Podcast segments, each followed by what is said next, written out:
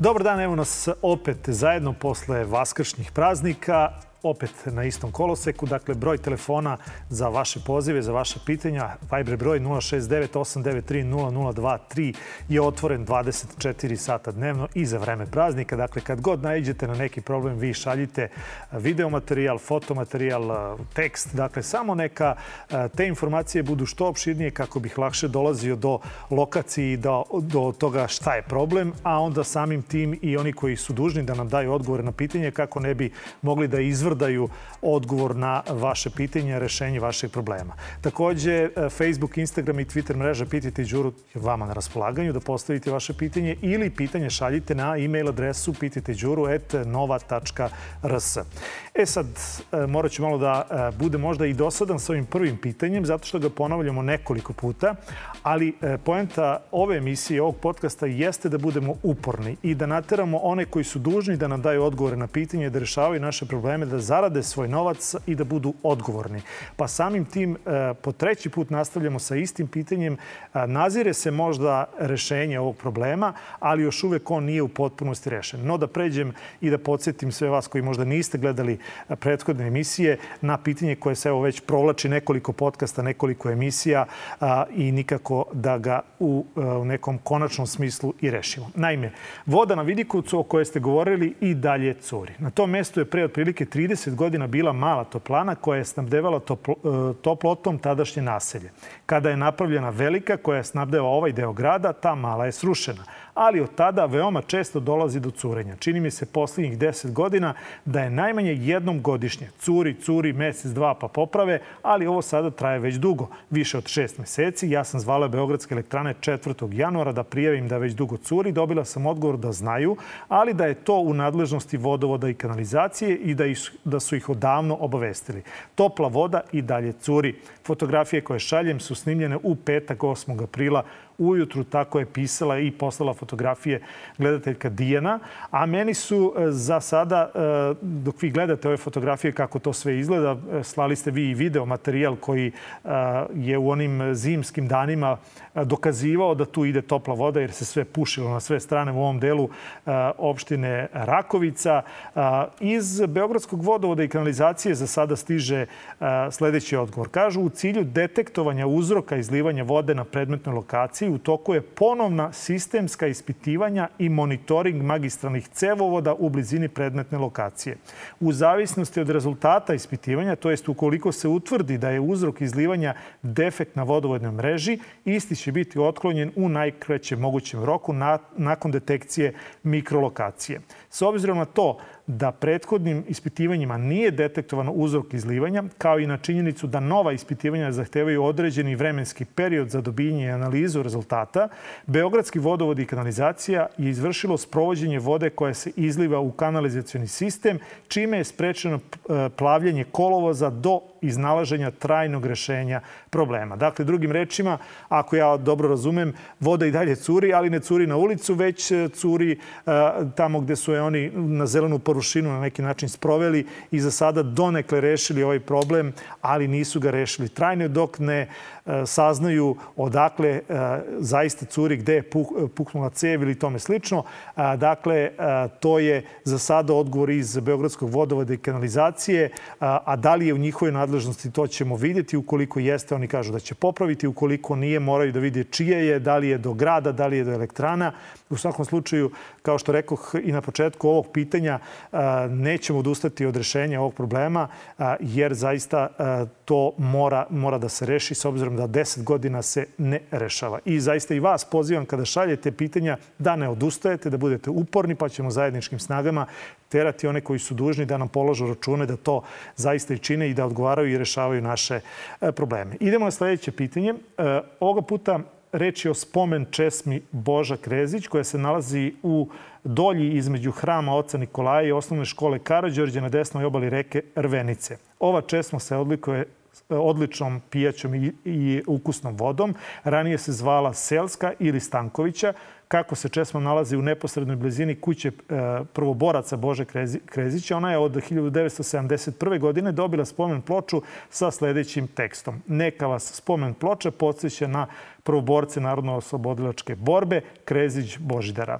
Savez boraca Ostružnica 12. 12. 1971. godine. E sad šta je problematika?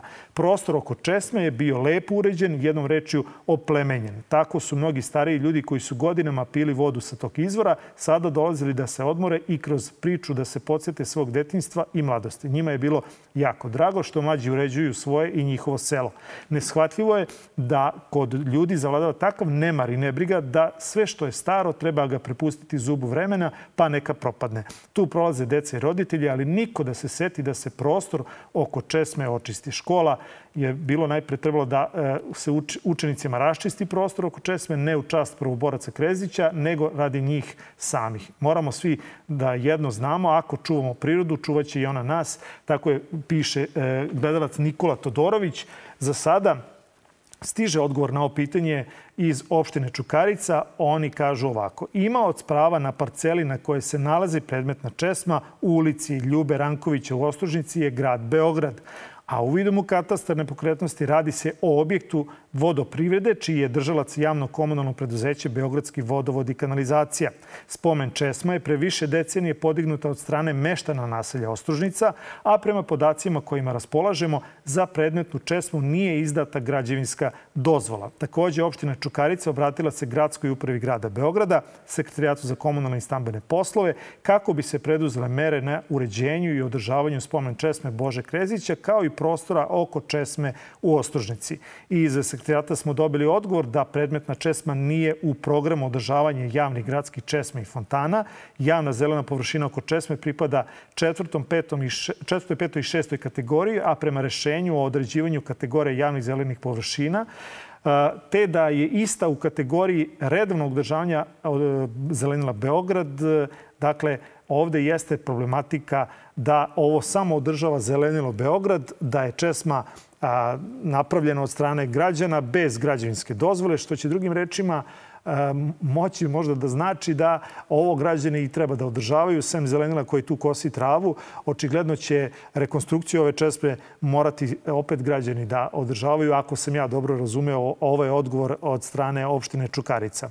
Vidjet ćemo šta će odgovoriti iz grada Beograda i njima, a i meni, pa e, možda e, ovo promeni e, stanje na terenu. U svakom slučaju za sada, eto, što se tiče ove česme u Ostružnici, spomen česme stiže ovakav odgovor. Dakle, ako ja dobro tumačim, samo organizacija je možda lek za e, stanje u kom se ova česma sada nalazi. Idemo na sledeće pitanje. Ono se tiče stanovanja. Tačnije, e, gledateljka je pisala ovako. Meni je potreban vaš savet. Ja živim na petom spratu. Iznad nas je se nalazi stan u potkrovlju. Šta je meni potrebno kao vaš savjet? Stan u potkrovlju o kome govorimo je zapravo mansardni stan, znači stan u mansardnom krovu. Da li sanacija lođe i terase, manje i veće terasa, takvog mansardnog stanja, potpadaju u nadležnost upravnika zgrade ili isključivo u nadležnosti vlasnika stana?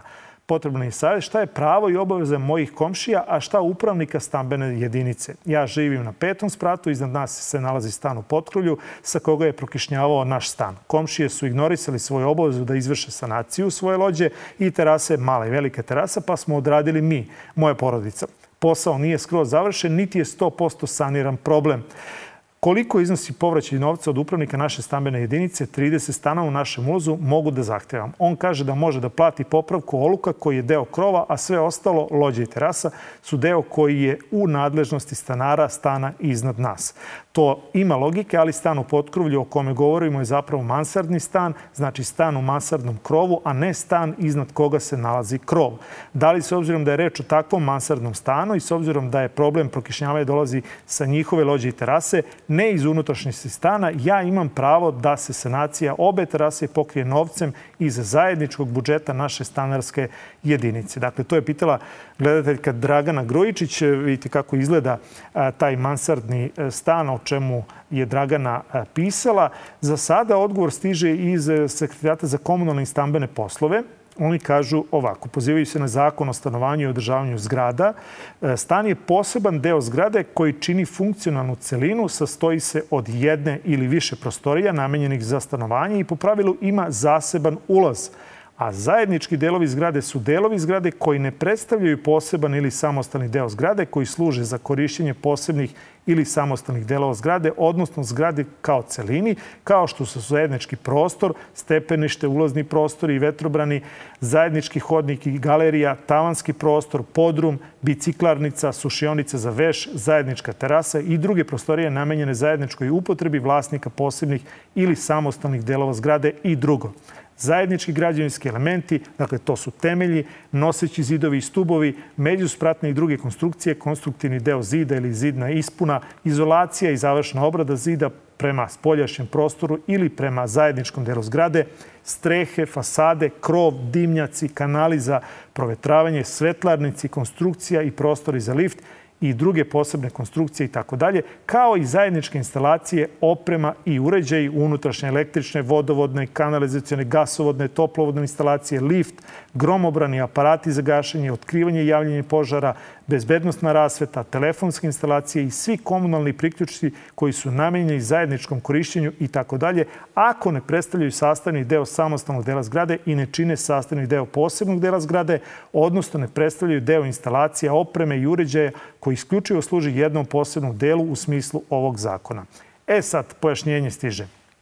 Dakle, vlasnik posebnog dela zgrade, odnosno vlasnik samostalnog dela zgrade, dužan je da održava zajednički deo zgrade koji čini sastavni deo njegovog posebno, odnosno samostalnog dela zgrade u granicama mogućnosti vršenja ovlašćenja upotrebe tog dela. Pravo da zahteva ispunjenje obaveza od vlasnika posebnog dela zgrade imaju svi vlasnici posebnog dela zgrade, vlasnik samostalnog dela zgrade i stambena zajednica u skladu sa svojim pravom koji proizilazi iz obaveze vlasnika posebnog dela zgrade. Vlasnik posebnog dela zgrade ima pravo na naknadu štete od lica koje je odgovorno za štetu na njegovom samostalnom delu zgrade po opštim pravilima o odgovornosti za štetu kako u konkretnom slučaju iz navoda stranke nije moguće sa sigurnošću utvrditi kakav status ima predmet i objekat, neophodno je radi utvrđivanja nadležnosti za saniranje i utvrđivanje obaveza koji, koje proizilaze u odnosu na ovaj objekat, na taj objekat, tražiti mišljenje nadležnog ministarstva građevinarstva, saobraćaja i infrastrukture. Dakle, eto, to je, e, u ovom odgovoru smo dobili, ja se nadam, e, jedno razjašnjenje šta je čije vlasništvo, šta o kome, mo, ko o čemu mora da brine. E sad, ja sam ovo pitanje prosledio ministarstvu uh, koje je nadležno da rastumači ovakvu tematiku. Hoće li njima biti dovoljno ovo vaše pitanje, to jest ovi podaci koje imamo zajednički i koje sam ja uputio, vidjet ćemo. U svakom slučaju očekujemo od njih odgovor. Ali eto, nadam se da je ovaj deo odgovora bar donekle daje uh, na neki način razrešenje dileme da li i ko ovde mora da odgovara za nanetu štetu, da li možete da tražite od svih stanara da vam nadoknade štetu za vašu za, za to što je pričinjeno u vašem stanu ili ne. U svakom slučaju, nadam se da je donekle jasnije dakle, šta je čije i vidjet ćemo da li će u odgovoru Ministarstva građevinarstva, saobraćaja infrastrukture koje je nadležno da rastumači ovu tematiku biti jasnije dakle, šta vam je činiti i da li eventualno morate da preko stanara, upravnika zgrade, možda eventualno doći i do suda da biste nadoknadili štetu koja je nastala prokišnjavanjem tog dela koji je iznad vašeg stana. Eto, dakle, to je odgovor na, za sada na ovo vaše pitanje. A idemo na sledeće pitanje koje stiže ovoga puta iz Vrnika.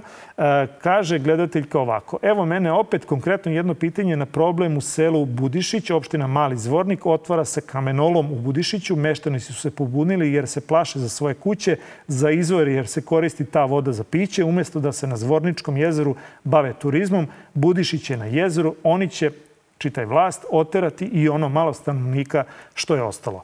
A, ja sam ovo pitanje uputio opštini Mali Zvornik e, na nekoliko službi koje su naznačene i koje, za koje ja smatram da bi mogle da budu nadležni da se oglase povodom ovog vašeg pitanja. Nije još uvek stigao odgovor, bar uh, u ovih nekoliko dana od kako ste vi poslali ovo pitanje.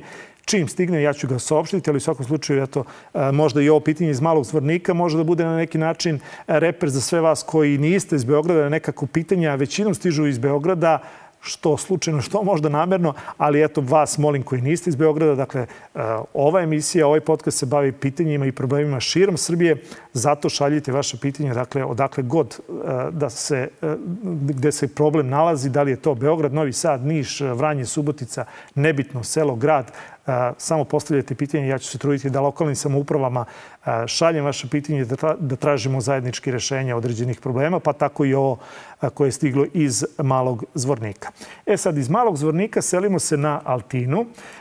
Najpre jedno, jedno pitanje koje je na neki način konstatacija na od ranije pitanje koje je staro nekoliko godina. Gledateljka kaže ovako, poštovani Đuro, slušam vas već skoro 15 godina. Zanima me hoće li se ikada rešiti problem semafora na autoputu kod plavih horizonata u Zemunu. Naime, nesnosne gužve, naročito od otvaranja Pupinovog mosta. Niko ništa ne preduzima. Godinama o auto, autoput stoji 10 automobila koji izlaze iz ovog naselja. Semafor isto drži zeleno i za autoput i za naselje minut. Molim vas, pomozite srdačan pozdrav.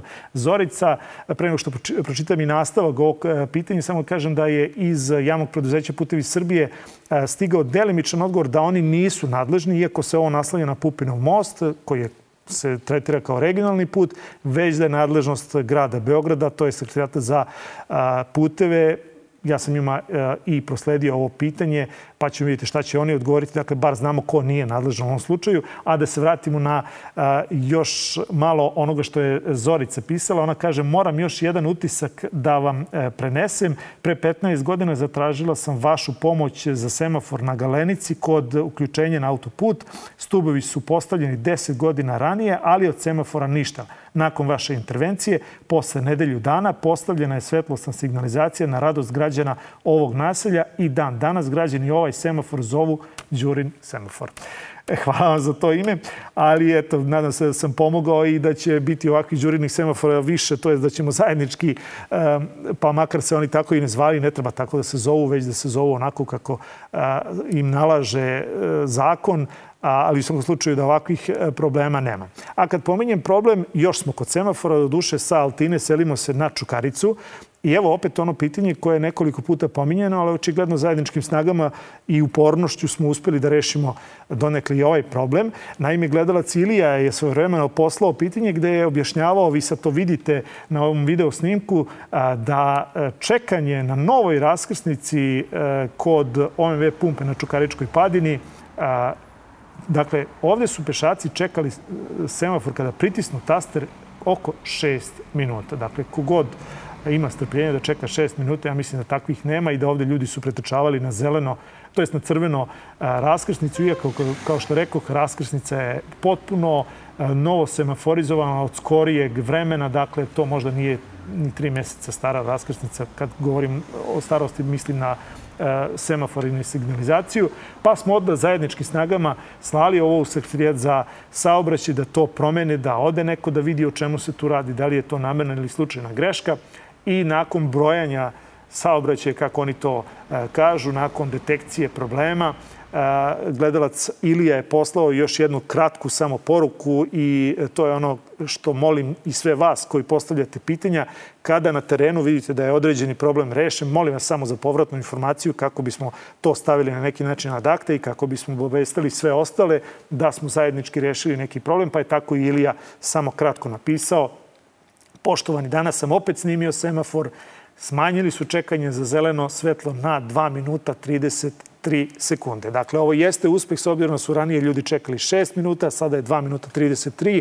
Ovde se mora uzeti u obzir i činjenica da ovo je jako frekventna raskrsnica, da tu prolazi gradski prevoz radničkom ulicom i da u suštini ovde pešaci nemaju prednost u odnosu na količinu saobraćaja koje, je, koje su autobusi i ostali automobili, pa je možda zbog toga 2 minuta i 33 sekunde morate sačekati to zeleno svetlo da se ne bi stvarale, pogotovo u jutarnjem i popodnevnom špicu, velike gužve u ovom delu Radničke ulice. Eto, dakle, hvala još jednom Ili što je poslao i potvrdu da smo zajednički, ja se nadam, rešili ovaj problem.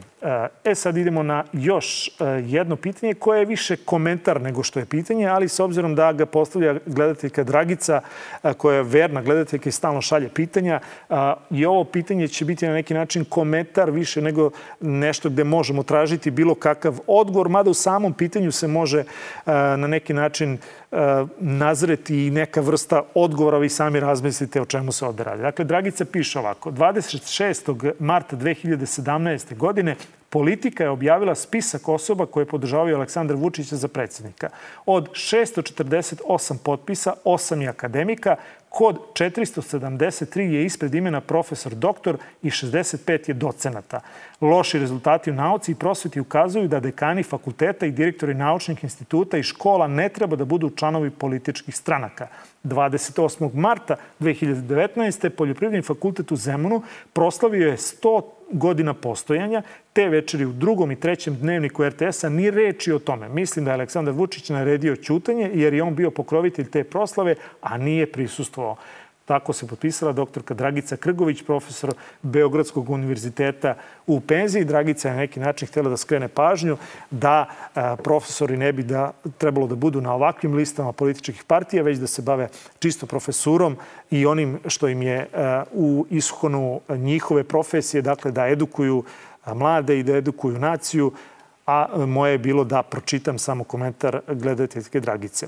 Eto, toliko za ovaj nešto kraći podcast nego što ste navikli. Inače, možemo ga nazvati i postprazničnim ili između dva praznika. Zato vi šaljite i dalje pitanja sa svih strana Srbije, iznosite vaš problem i ja ću pokušati da vam pomognem u rešavanju tih problema. Da podsjetim način na koji to možete raditi jeste tako što ćete vaše pitanje poslati na Viber broj 069 893 0023 ili na Facebook, Instagram ili Twitter mrežu Pitajte Đuru, a pitanje šaljite i neka ona budu sa što više informacija, to stalno napominjem, i na e-mail adresu pitajteđuru.nova.rs.